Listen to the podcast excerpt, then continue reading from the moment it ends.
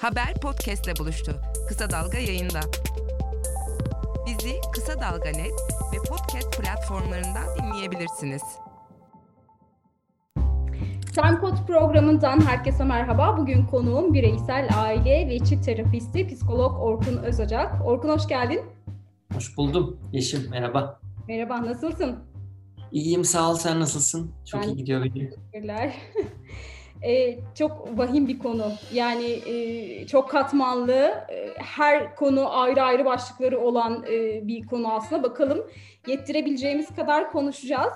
E, ilişkileri konuşacağız bugün Orkun'la. E, yettirebildiğimiz kadar her konuya değinmeye çalışacağız ama ilk önce ben şu konuyla başlamak istiyorum. Şu araştırmalara göre e, evliliklerde, uzun süreli ilişkilerde yani sadece evlilik diye sınırlandırmak istemiyorum. Uzun süreli ilişkilerde aldatma oranının arttığı gözlemleniyor. E, hı. sen bu konuda ne düşünüyorsun? Niye aldatıyoruz ya da niye aldatılıyoruz? Bihter!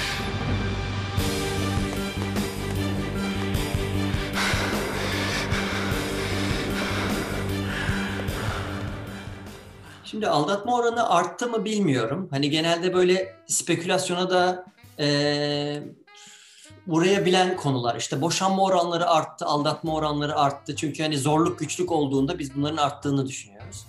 Aldatmalar arttı mı bilmiyorum fakat e, son yıllarda tabii ki etkisini arttırarak gösteriyor. Özellikle hani ben bir istatistik takip ederdim Yeşim. E, Amerika'da boşanma oranları yüzde elli istatistiklere vurduğunda. Yani böyle düşündüğünde her iki evlilikten bir tanesi bitiyor. E, aldatmada boşanma oranlarının genelde yüzde yirmisi gibidir derler. Hani yüzde yirmisi civarındadır. Yani hani boşanmanın nedeni aldatma değildir ama yüzde yirmi civarında öyle olabilir denir. Şimdi e, bazı şehirlere baktığımızda bu boşanma oranları mesela işte e, ilk defa sanıyorum iki yıl önce İzmir'de boşanma oranı evlilik oranını geçmişti. E, Amerika'da bu oran çok uzun süredir böyle. Yani çoğu eyalette boşanma oranı evlilik oranından daha yüksek çıkıyor. O yüzden gittikçe yalnızlaşan bir dünyaya sahip oluyoruz diyebiliriz. E, Türkiye'de de bu grafik başladı ve aldatmalar da aslında daha fazla duyulur oldu. İşte dizilerde de daha fazla önümüze gelip pişen konular oldu. E, çok da popüler bir konu aynı zamanda.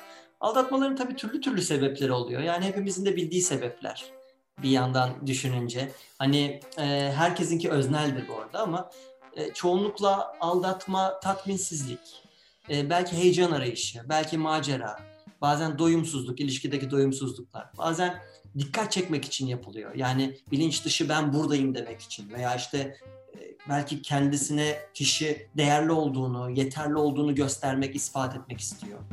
Bununla alakalı e, bir dikkat çekme konusu olabiliyor. Bazen özellikle 4 yaş e, civarı çocuğu olan ailelerde o dördüncü yaş olana gel- gelene kadar olan süreçte sıkla, sıkça aslında görülen bir e, olay oluyor. Aldatmaların çoğu aslında 0-4 yaş çocuklu ailelerin başına da geliyor diyebilirim. Böyle bir istatistik vardı. Peki bir şey soracağım. Hiç sebep yokken de olamaz mı, olabiliyor mu ya da? Hani illa bir sebebin arkasına, bir bahanenin arkasına sıyrılmadan da aldatma söz konusu olabiliyor mu? Aldatılma, aldatma. Yani olabilir çünkü aldatma çoğunlukla hani acı vermek için veya bir sebeple ya da veya bir niyetle yapılmaz ki. Yani çoğu zaman aldatan kişi de nedenini bilmiyor o aldatmayı niye yaptığını. Dolayısıyla hatta yani şey de çok gördüm. Seansta yaptığı aldatmanın nedenini anlamaya gelen de çok kişi oldu. Çok kişi var. Ee, bu yüzden bazen bilmiyorsun. Çoğunlukla aldatma dediğimiz şey de tek gecelik ilişkilerde yaşanıyor. Yani tek gecelik ilişkiler olarak yaşanıyor e, aldatmaların çoğunluğu böyle bir bağ kurmak amacıyla da yapılmıyor. Hani e, dur ben şununla bir bağ kurayım diye de yapılmıyor. O yüzden e, anlık ihtiyaçlar olabilir, fantaziye yenilmek dediğimiz evre olabilir. Herkes sonuçta bir fantazi kurma içerisinde. Fantazi kurmadan kastım hani bir düşünce kanalının açılması ve oradan ilerlenmesi, yürünmesi de olabilir. O yüzden herkesin başına da gelebilecek bir hadise oluyor. Bunun bu arada şeyle de e, çok e, ona da endekslememek lazım galiba. Hani uzun süreli ilişkilerde yaşanıyor gibi bir şeye de endekslememek lazım sanırım. Hani tek e, kısa süreli ilişkilerde de olabilir. Evet. Yani uzun süreli, kısa süreli veya işte mutlu olan evliliklerde aldatma olmaz. Hani bu tarz genel e, tabirleri çok kullanamıyoruz ya da işte kadınlar aldatmaz, erkekler aldatır. Hani bunlar gerçekten yargılar. E, genel istatistiklerde yüzde 60'ı yüzde 40 veya yüzde 55'e yüzde 45 gibi gösteriyor. Yani erkeklerle kadınlar aslında çok da ayrı değiller. Hı hı. Bu, bu alanda. Ee, bu pandemi sürecinde de yine işte konunun başında girişi yapmıştın. Ee, boşanmaların arttığı yönünde yine araştırmalar, haberler gö- görüyoruz. Ama e, bana sorarsan aynı oranda evlilikler de arttı. Mesela yasaklar ortadan kalktı, yasaklar kalktığında ya da kısıtlamalar biraz daha genişlediğinde hemen işte evliliklerin, e, düğün törenlerinin falan arttığını gördük. Bu ters orantıyı nasıl değerlendiriyorsun? Yani ters orantı kesin bir bilgi mi onu da bilmiyoruz ama çoğunlukla söylenen şey o. Ama dediğim gibi spekülasyona müsait de bir durum var. Çünkü e, güçlüklerden geçiyoruz bu pandemi dönemi, karantina dönemi. E, yani evlilikler veya ilişkiler sıkı bir teste tabi tutuluyor. E, bu taraf bu yönden düşünürsek evet hani boşanma oranlarının artacağını tahmin edebiliyoruz ve bu şekilde söyleniyor. E, ki hani 2020'de gerçekten sınandık e, Yeşim yani hem ekonomik anlamda dünya sınandı hem birçok kişi iş kaybı yaşadı, salgının yarattığı belirsizlikler var. İşte e, yakınlarını kaybeden insanlar oldu, günlük rutinler değişti, okulların böyle evlere taşınmasıyla çocuklu aileler çokça problemler yaşadı. E, bitmeyen de bir karantina oluyor. Burada bu güçlüklerden geçerken boşanma kararları daha fazla gündeme gelmiş olabilir veya oradaki tatminiyetsizlikler daha çok göze batmış olabilir ki evlilik bir problem çözme becerisidir derim. O problemi çözebiliyorsan bu güçlüklerden çıkabiliyorsun. O problemlerde uyuma sahip olabiliyorsun ve aynı yöne bakabiliyorsun. E, o problemleri çözemiyorsan veya işte tabiri caizse evlilikleri de burada ya da ilişkileri ikiye ayırıyorum. Yani gücünü içeriden alan ilişkiler diyorum ve gücünü dışarıdan alan ilişkiler diyorum. Bu karantina biraz bunların sınanması oldu. Gücünü içeriden alan ilişkiler ne demek? Ee, bizim problemimiz dışarıylaydı. Yani işte trafikten şikayet ediyorduk, yeterince zaman geçirememekten problem yakınıyorduk e, çift olarak. Bu etmenler ortadan kalktığında karantinada beraber yemek yapıyor olduk. Hayatımız belki daha yavaşladı işte sofrayı kuruyor, belki sohbetler edebiliyor. Hafta sonlarını beraber istediğimiz şekilde geçirebiliyor olduk. Gücümüzü içeriden alıyor olduk. Karantina bu çiftlere çok iyi geldi.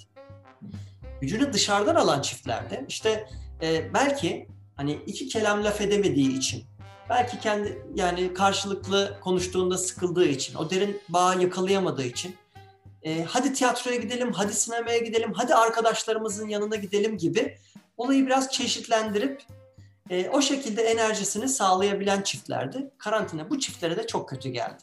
Çünkü bir anda o dış etmenler kaldığında o karşı karşıya yüz yüze bakar oldun ve şimdi ben bu adamla ne yapacağım, ben bu kadınla ne yapacağım diyen çiftlerde oldu. Ha bunun tam tersi sorunun diğer tarafında da e, evlenenler de çok oldu bu dönemde. Yani çünkü hani yalnızlıktan şikayet eden de çok kişi oldu ve hayat anlamını da kaybetti. Biz sonuçta sosyal varlıklarız. O e, o bağı istiyoruz. O e, bağı ararken de işte bu şey de oluyor bu arada. Bir araştırma var. Tarihte pandemi veya savaş gibi durumlardan sonra e, genelde bir nüfus artışında patlama yaşanmış. Questo è il sacrificio che mio padre ha fatto. Questo è stato il suo regalo per me. Abbiamo vinto! Sì, abbiamo vinto! Evet. Çünkü burada da şeyi anlamak lazım. Hani hayatımıza giren ölüm korkusuyla birlikte bilinç dışında böyle yaşam yani üreme, soyunu devam ettirme güdüsü açığa çıkıyor. Zaten beynin bir fonksiyonu var. Beyin sana üre diyor. Biz hani e, hayata neden geldiğimizi tekrar tekrar sorgu, sorgular oluyoruz. Bunlarla alakalı hem böyle evliliklerde ikinci çocuk veya hayvan sahiplenme işte oranları da belki artıyordur. Çünkü o bağa istiyoruz. Veya o yalnız kalanlar gerçekten hani ben biriyle beraber olmak istiyorum. O aidiyet duygumu, e, ihtiyacımı gidermek istiyorum. Bunun farkına, bunun önemine varan kişiler de aynı şekilde e, flörtleşmeleri arttırmıştır veya o, o ilişkilere ihtiyaç duymuştur diye düşünüyorum.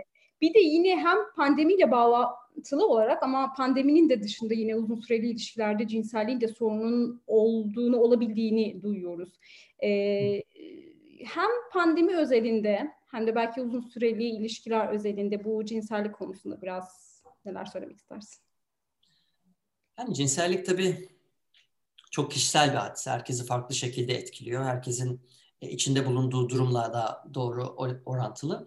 E, özellikle çocuklu aileleri çok negatif etkiledi bu süreçte. Çünkü şöyle düşün hani çocuğunla belki küçük bir evde, belki ya, ya da ev, evinde yalnız kalıyorsun. Belki yardımcıları olan aileler de var. Hani e, o eve takıldığında bazı şeyler sorumluluk gibi gelmeye başlıyor sana. İşte karı kocalığı unutmak ve anne babalığı hatırlamak çok kolay.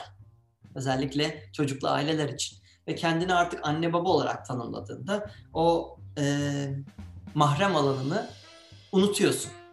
Ve cinsellikte bu aynı eksende yavaşlamaya düşmeye başlıyor veya işte hani hadi elini çabuk tut dediğimiz o e, o kelimeler başlıyor e, ailelerde. Diğer bir taraftan belki evde yalnız olan veya işte e, belki üniversite öğrencileri öğrencilik belki o işte genç profesyoneller dediğimiz kitleleri ekstra etkiliyor. Çünkü tamamen sosyal izolasyondasın. Hatta şöyle düşün, çok kişisel bir hadise dedim ya, sağlık çalışanı olabilir eşin veya sevgilin. Sen kendini ondan uzakta tutmaya çalışıyorsun. Bununla alakalı tabii ki o hem baskıladığın bir şey haline geliyor cinsellik hem de baskıladıkça daha çok istediğim bir şey oluyor. For love to work, you have to actually pursue it. Peki, birkaç tavsiye istersek hani insanlar da böyle şeyler istiyorlar gerçekten. Bir matematiği yok bana e, sorarsan kişisel olarak ama bir matematiği olsun ve bize tavsiyeler versin istiyorlar e, insanlar. Ver, verebileceğin tavsiyeler var mı? Pandemide çiftler böyle yaparlarsa evin içinde daha iyi kotarırlar bu süreci diye. Şimdi pandemi özel değil aslında ilişkilerin formülü. Ee, bir formülü var mıdır bilmem ama bir temeli vardır hani her türlü sağlıklı ilişkilerin temelinde bir e, nasıl diyeyim e, bir ilişki bir tapınaksa eğer o tapınağı taşıyan kolonlar vardır. Değil mi? Dört tane kolon olsun. Birinci kolonda sevgi vardır. Çoğu ilişkileri hani o sevgiyle, o bağıyla beslenirler. Sevgi dediğin şey nedir? Sevgi neydi? Sevgi iyilikti, dostluktu. Sevgi emekti. E, duygusal yakınlık kurarsın o kişiyle. Özen gösterirsin o kişiye. Aynı şekilde pandemide de bu böyle. E, ya da herhangi bir olağan dışı olan durumda da böyle. E, o sevgiyle beraber o özeni göstermeyi unutabiliriz bazen. Ya da iyi niyete dayalı kabulümüz gider gerginleştikçe biz. O iyi niyeti ihmal etmememiz lazım. Bazen çiftine partnerine hayranlığın azalır veya artar bazı dönemlerde. O hayranlık çok ciddi sevgide bir dengesizlik yaratır. Hayran olmak ister miydin o kişiye diye sorarım bazen de. Ya da olman için ne gerekirdi? O hayranlığa bir bakarız. Ee, genel olarak bu sevgi, o bağ aidiyet duygusuyla beraber bir ilişkiyi tutar. Şimdi ikinci kolonda bundan sonra e, güven başlar.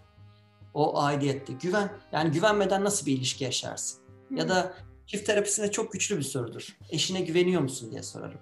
Ama çoğu zaman bu soruyu şu şekilde sorarım. Eşine inanıyor musun? Hatta derim ki dur. Sadece içinde tart, içinde ise eşine inanıyor musun? İnanıyorum ama gerçek bir inanç olmayabilir. Amadan sonra genelde korkular, şüpheler, çekinceler gelir. O yüzden o samimiyeti, o inancı nasıl kurtarabiliriz? Veya orada o samimiyetle beraber, samimiyet dediğin şeyde kişisel alanın paylaşılmasıysa bu belki karantina gibi küçük alanlarda nasıl kendimizi daha iyi açarız? O karanlık yerlerimize daha daha çok, daha cesaretle, cesurca e, paylaşırız. Bu güven dediğimiz konuya geliyor ikinci kısım. Üçüncü kısımda güvendikten sonra nelerde zorlanabiliyoruz? İletişimsel problemler, kazalar yaşayabiliyoruz. Orada ilişkinin kalitesini biraz da iletişim, ilişki dediğin şeyi iletişmek besler. Yani ben ne kadar anlaşabiliyorum o kişiyle? Bunu tabii ki konuşa konuşa anlaşıyoruz insan olarak. Ben beynimin içinde ne olduğunu ben bile bilemezken karşıdaki, karşıdaki kişinin nasıl beni anlamasını beklerim. Veya anlayabilir mi gerçekten beni? O yüzden bazen anlamak değil de ifade etmek önemli oluyor. Orada da işte iletişim becerileri devreye giriyor. Çünkü ben o kişiyi dinleyebilmeliyim o iletişimde ve o kişi benle istediği gibi konuşabilmeli. Ona alan tanımalıyım. Çoğu zaman hani terapilerde bu da bir konu oluyor. Alan açmak için zaten terapiye geliniyor.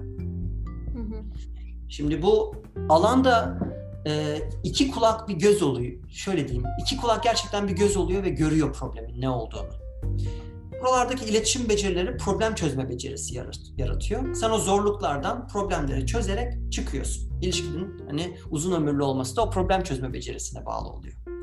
Ve son etapta da diyeyim hani o son kolonda o ilişkiyi taşıyan kolon uyumdur bence. Bazen rekabettir içinde. Yani ilişkilerin birbirini büyütmesi lazım. O büyütme dediğimiz şey nasıl oluyor? Ee, biz her zaman her ilişkide de tek başınayız. Ben tek başınayken o gücü nasıl bulacağım kendimde? Onu nasıl paylaşacağım? Ve belki ilham vereceğim eşime. O da bana ilham veriyor olacak. Ona engel olmayacağım. Onu nasıl büyüteceğim? Buradaki ne kadar bir uyum içerisindeyiz? O kimyamız ne kadar tutuyor? En son konuda belki de burası oluyor analiz ettiğimiz. Karantinada o yüzden de basitçe bir formül gibi değil ama hani ee, türlü türlü her türlü sorunu ele alabilir miyiz? Orada karşı tarafı karşı tarafa sevgimizden bir şey verdik mi? Hayranlığımızla alakalı özen gösteriyor muyuz? Ee, işte iki kelam paylaşabiliyor muyuz? Onunla gerçekten bağ kurabiliyor muyuz? Ona güveniyor muyuz? Ona inanıyor muyuz? Gelecekte onunla olacağımıza, yapabileceğimize ve nasıl bir uyum içerisindeyiz? O bazen üstte bazen altta olma ya da işte bazen hani tabiri caizse susma, bazen sesimizin çıkması. Bunlar bir mi? Bakıyoruz. Hayata kulak ver. Kulağını sokağa aç. Haberi duy. Haber podcastle buluştu. Kısa Dalga Podcast. Bu arada e, izleyicilerden de çok şey anlamında soru geldi. E, hani özellikle evli çiftlerden bu monotonlaşan e, süreç ne kadar uzarsa biz bunun artık bir problem olduğunu söyleyebiliriz. Çünkü hani monoton bir hayat başlıyor ve belli bir süreç sonra senin de anlattığın kısımlarla alakalı olarak. Yoksa bunu kabullenip e, olan akışını kabul etmek mi bir çözüm diye sorular geldi. Bu soruya cevap vermeden önce şöyle bir ayrıntı da e, aktarmak isterim. Belki e, benim bakış açıma göre şimdi toplumsal bakış açısından da çok e, kopuk bir durum değil bu evlilik. Şimdi toplumun evliliğe ve aile atfettiği bir şey var. Ulvi bir yere koyuyor. Evet sallaştırıyor ve bu bir yerde de ikili ilişkiyi özel bir ilişki olmaktan topluma bağlı bir ilişki haline de yani ben benim ilişkim bu ve ben kuralları ben belirlerim gibi bir en azından evlilik ve aileyle alakalı bunu diyemiyorsun. Dolayısıyla da kişilerde, çiftlerde onun yükü de var beraberinde ve belki evlilikle beraber e, bununla da karşılaşmak, bu yükle de karşılaşmak bir e, hayal kırıklığı ya da baskı oluşturuyor olabilir. Yani or- oradaki beklentiler baskı olarak gelir zaten. Yani hem kendinden beklentin bir baskı yaratıyor sende hem de işte eşinden beklentin, çiftinden beklentin, anne babandan beklentin. Hep bunlar baskı olarak sana geliyor. Ee, burada istediğin yerde olmayabilirsin. Kafa, kafamızda hep arzuladığımız benlik ya da arzuladığımız ilişki zaten önde gitmeli bence. Hayatın belki heyecanı oradan gelir. Yani tam istediğim bir şeyi yaşıyorum ya da tam olmak istediğim yerdeyim deyince bir anlam kaygısına ya da karmaşasına da giriyoruz. Çünkü o zaman ben ben ben oluyor işte o narsistik tarafımız biraz daha çıkıyor belki. Beni seviyorsun. Sevmiyorum. Seviyorsun. Sevmiyorum. Seviyorsun. Sevmiyorum. Sevmiyorum. Sevmiyorum. O arzulanan benlikten uzakta kalmamız e, nevrozları getiriyor, inançsızlaşmayı, depresyonu getiriyor. Hatta bunun son halinde belki o yani intihar dediğimiz hadiseleri görüyoruz. Çünkü hiçbir zaman olamayacağım dediğinde olayın tamamen şekli değişiyor. Onun böyle bir dengede gitmesi lazım. Eşimizden de ya da çiftimizden de bir şeyler beklememiz, kendimizden beklediğimiz kadar normal. Fakat bu beklenti e, ne kadar e, ideal ikimiz için de ve nasıl yapabiliriz beraber bu hayali nasıl gerçekleştirebiliriz? Çok da bir şey, iddialı da bir şey istiyoruz evliliklerden. Yani düşündüğünde hani aynı kişiyle hayatı paylaşacaksın. O kişi senin en iyi dostun olacak. İşte seks partnerin olacak. Ondan inanılmaz bir doyum alacaksın. Anne baba olacaksınız. Süper şeyler başaracaksınız. Beraber konuşabiliyor olacaksınız. İşte 24 saat kalsanız e, çok eğleniyor olacaksınız. Çok büyük beklentiler değil mi? Hmm, evet belki de o beklentileri bu kadar büyütmemek lazım en başında. O hayal değil? Ama monotonlaşma dediğimiz yerde bir tatminsizlik. Oralara da bakmamız lazım. O monotonlaşma dediğimiz şeyi nasıl heyecanlandırabiliriz ya da neler yolunda gitmiyor ilişkide neler yolunda gidiyor ilişkide. Hani şey diye konuşuruz ya e, ne var ne yok diye hani sohbet ederiz direkt başlarken. Aynı şeyi ilişkimize yapabilir miyiz? Senin ilişkinde ne ne var ne yok? Beraber konuşabilir miyiz mesela aynı şekilde? Peki bunlardan ba- bağımsız olarak e, çok mu olumsuz bakıyorum bilmiyorum ama her şeyin de bittiği bir nokta yok mu? Yani her ilişkide bitebilir, kısa uzun, evlilik fark etmez boyutu ne olursa olsun. Yani her şeyin de bir başlangıç noktası olduğu gibi bitiş noktası da yok mu? Belki de bunu kabul etmek lazım. Olabilir bazen evliliklerin her şeyin olduğu gibi döngüsü var ve döngü tamamlanır. Ee, bazen şöyle derim yani kendine saygısı olan çiftler aslında kavgadan, eleştiriden, yargıdan boşanmıyorlar. Kendine saygısı olan çiftler gerçekten farklı noktalara gitmek istediği zaman birbirlerini salıveriyorlar. O yüzden farklı yönlere baktığında ve artık buraya adanmak istemiyorsan zaten o evlilik bitiyor. Evet belki döngüsünü tamamlıyor. Ha tabii ki o ceptekileri tüketmeden yani o kredin var karşıda belli bir yaşanmışlığın varsa o kredini krediden harcıyorsun bazen tabiri caizse. Yani bazen çoktan bitmiş oluyor ama krediden yiyor ilişki. Orada kalmak için neler yapabilirsin ama bazen yapamadığında ya da ya bu bitti diyorsun. Bu ilişki bitti. Zaten terapide de sorarım yani. Bazen bu ilişki bitti derler. Derim ki bu ilişki bitti dediğinde ne hissediyorsun? Oradaki hislere bakarız. Eğer suçluluk, pişmanlık varsa belki tekrar denemek istiyor, geri dönmek istiyor. O suçluluk yoksa, o bitti de bir heyecan duyuyorsa o zaten bitmiş oluyor. Ondan sonra da şey başlıyor yalnız. Kültürün getirdikleri de başlıyor. O hani boşanmak bir başarısızlık değildir.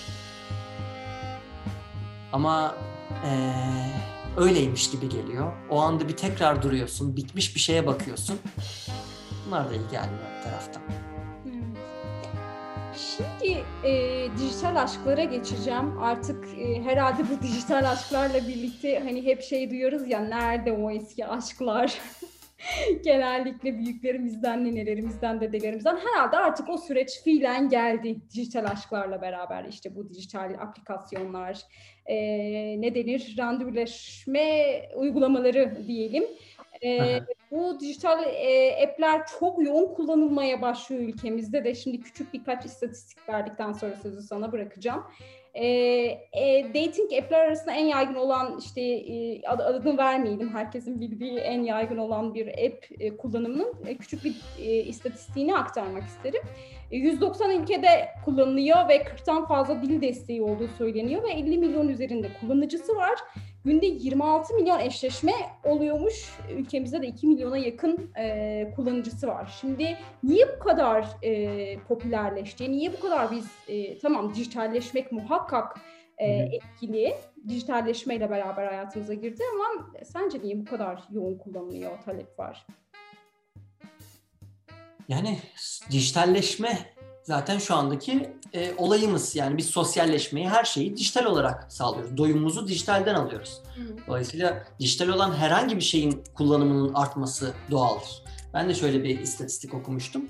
Bu dönemde karantina başladığından beri dünya üzerinde Mart'tan Şubat'tan itibaren %25 artmış online dating app'lerin kullanımı. %25 çok büyük bir oran, dörtte bir artması. E, e, tabii ki o bağı oradan almaya çalışıyorsun ve otomatikman artıyor ama orada bir şey var. Onun dünyası farklı.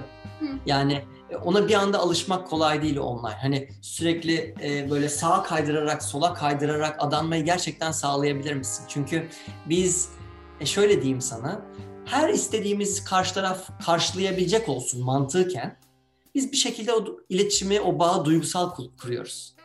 Yani ben karşı tarafa desem ki bu online flörtleşmeyin aynısını offline yapalım. Diyeyim ki Yeşim tam sana göre biri var. İstediğin gibi birisi. İşte e, şu su var, bu su var, senin dediğin gibi şöyle bir aileden geliyor, işte finansal durumu şöyle vesaire olsun. Tam seninle aynı hayalleri kuruyor diyeyim mesela. İnsan şöyle yapıyor, bana göstersene o kişiyi bir. Fotoğrafını görebilir miyim diyor. Çünkü biz gerçekten o e, bilinç dışı o primatlarda gördüğümüz şey. Yani biz hani e, bağlam bağ kurmayı aslında offline yapıyoruz. Fakat o online'da o arayışımızı bulmaya çalışıyoruz. Sanki böyle hani e, hayata tutunmak isteyen varoluşçu ilkel bir beynimiz var ve bize diyor ki hadi hadi gaza bas. O yüzden biz de o bütün yolları arıyoruz. Yani online dating app belki de elimizde kalan en büyük şey oluyor bu karantina döneminde. Bir de şey değil mi? Evet karantina döneminde özellikle arttı ama genel itibariyle bu dijitalleşmeyle bağlantılandırdığımızda e, hani seçenek çok fazla. Şimdi normal koşullarda belki o kadar hızlı ve çok e, şey, konforlu bir şekilde bu kadar hızlı ulaşamayacağımız bir dünya sunuyor. Yani çok yaldızlı bir dünya ve işte e, seçenekler çok fazla, çok zahmetsiz, işte flörtleşme alanı sağladığı için de tercih ediliyor olabilir mi?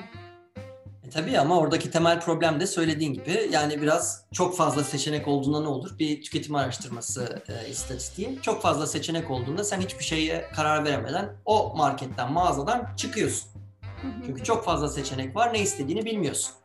İşte o ye- yetersizliğin içinde ya da full yeterliğin içinde bir yetersizlik çıkarıyor. Oradaki temel problem adanma ve odak oluyor. Aynı anda bir kişi ortalama dört kişiyle birden yazışıyormuş online dating app'lerde. Bir araştırma da bu. Yani Evet. aynı anda dört kişiye birden yazıyorsan eğer orada e, o odaklanmada hangisini seçeceksin ya da aslında bu eğlencenin bir parçası mı? Orada gerçekten ne istiyorsun? Kişi bazen o eğlencenin peşinde giderken gerçekten ne istediğini unutuyor burada da. Hmm.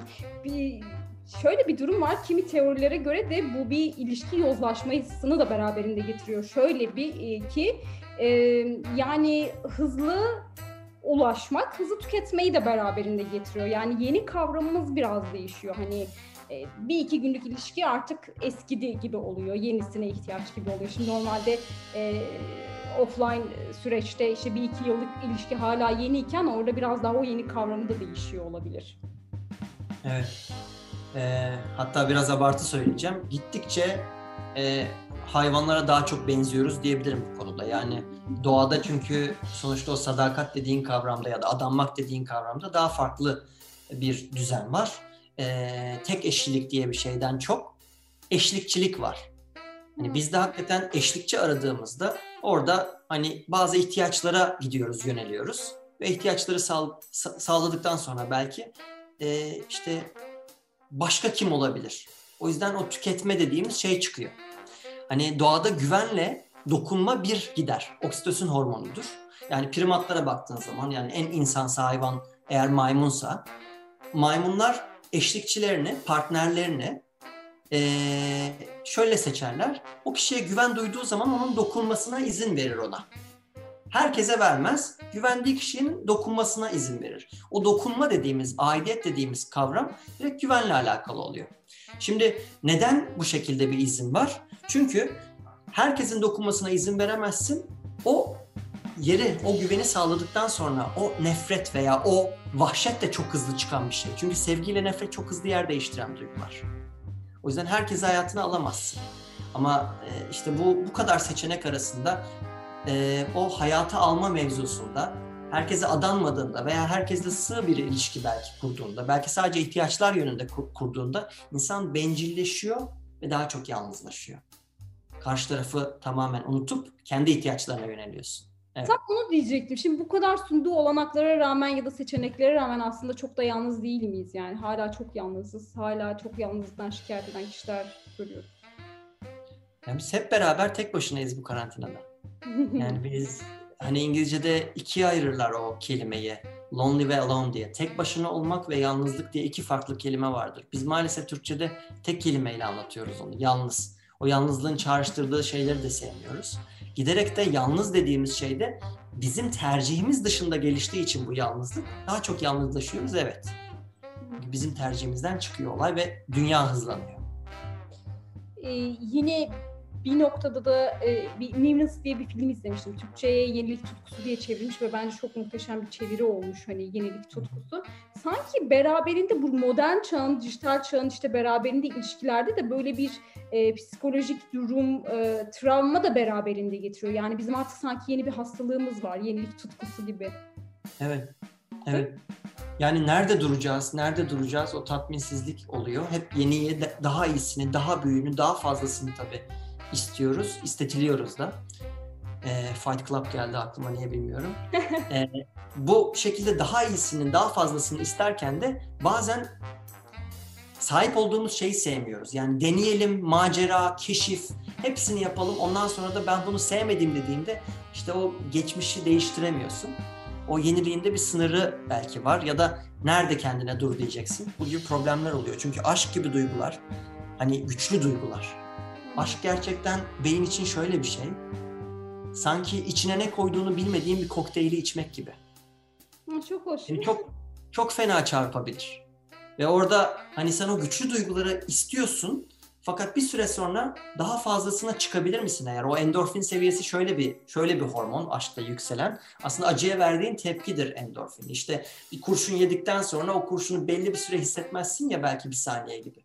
Yani hani öyle derler tabii ki deneyimlemedim ama e, o acıya o tahammül süresidir küçük sonradan gelir zihniyeti algısı. E, sen o acıyı yüksek tutmak ya da o acıya alışkanlık ya da o işte e, o endorfini yüksek tutmak, bu güçlü duyguyu fazla istediğinde daha fazlasını, daha fazlasını, daha fazlasını önüne getirmen lazım. Burada da hep daha yenisi, daha fazlası, daha iyisi. Ne senin için yeterli bu ilişkide? O gerçekten bizim sınavımız oluyor. Ne yeterli? Ne yeterince iyi bizim için? O da zaten e, herkese göre, her zamana göre de değişen bir şey. Kişi için de zaman zaman değişen bir şey. Yani bir önceki ilişkide bu yeterli dediği şey bir sonraki ilişkide yeterli olmayabiliyor. Evet. Pekala. Kıyaslama da iyi gelmiyor orada. Yani şey. evet. E, süremiz doldu. Gerçekten çok güzel bir sohbetti. Dolu doluydu. İnşallah bir daha başka zaman tekrar konuşuruz. Daha detaylı e, konuşuruz. E, çok güzel bir sohbetti. E, psikolog Orkun Özocak bizlerle birlikteydi. Çok teşekkür ederiz değerlendirmeleriniz Ben teşekkür ederim. Sağ olun. Görüşmek üzere. Bizi Kısa Dalga Net ve podcast platformlarından dinleyebilirsiniz.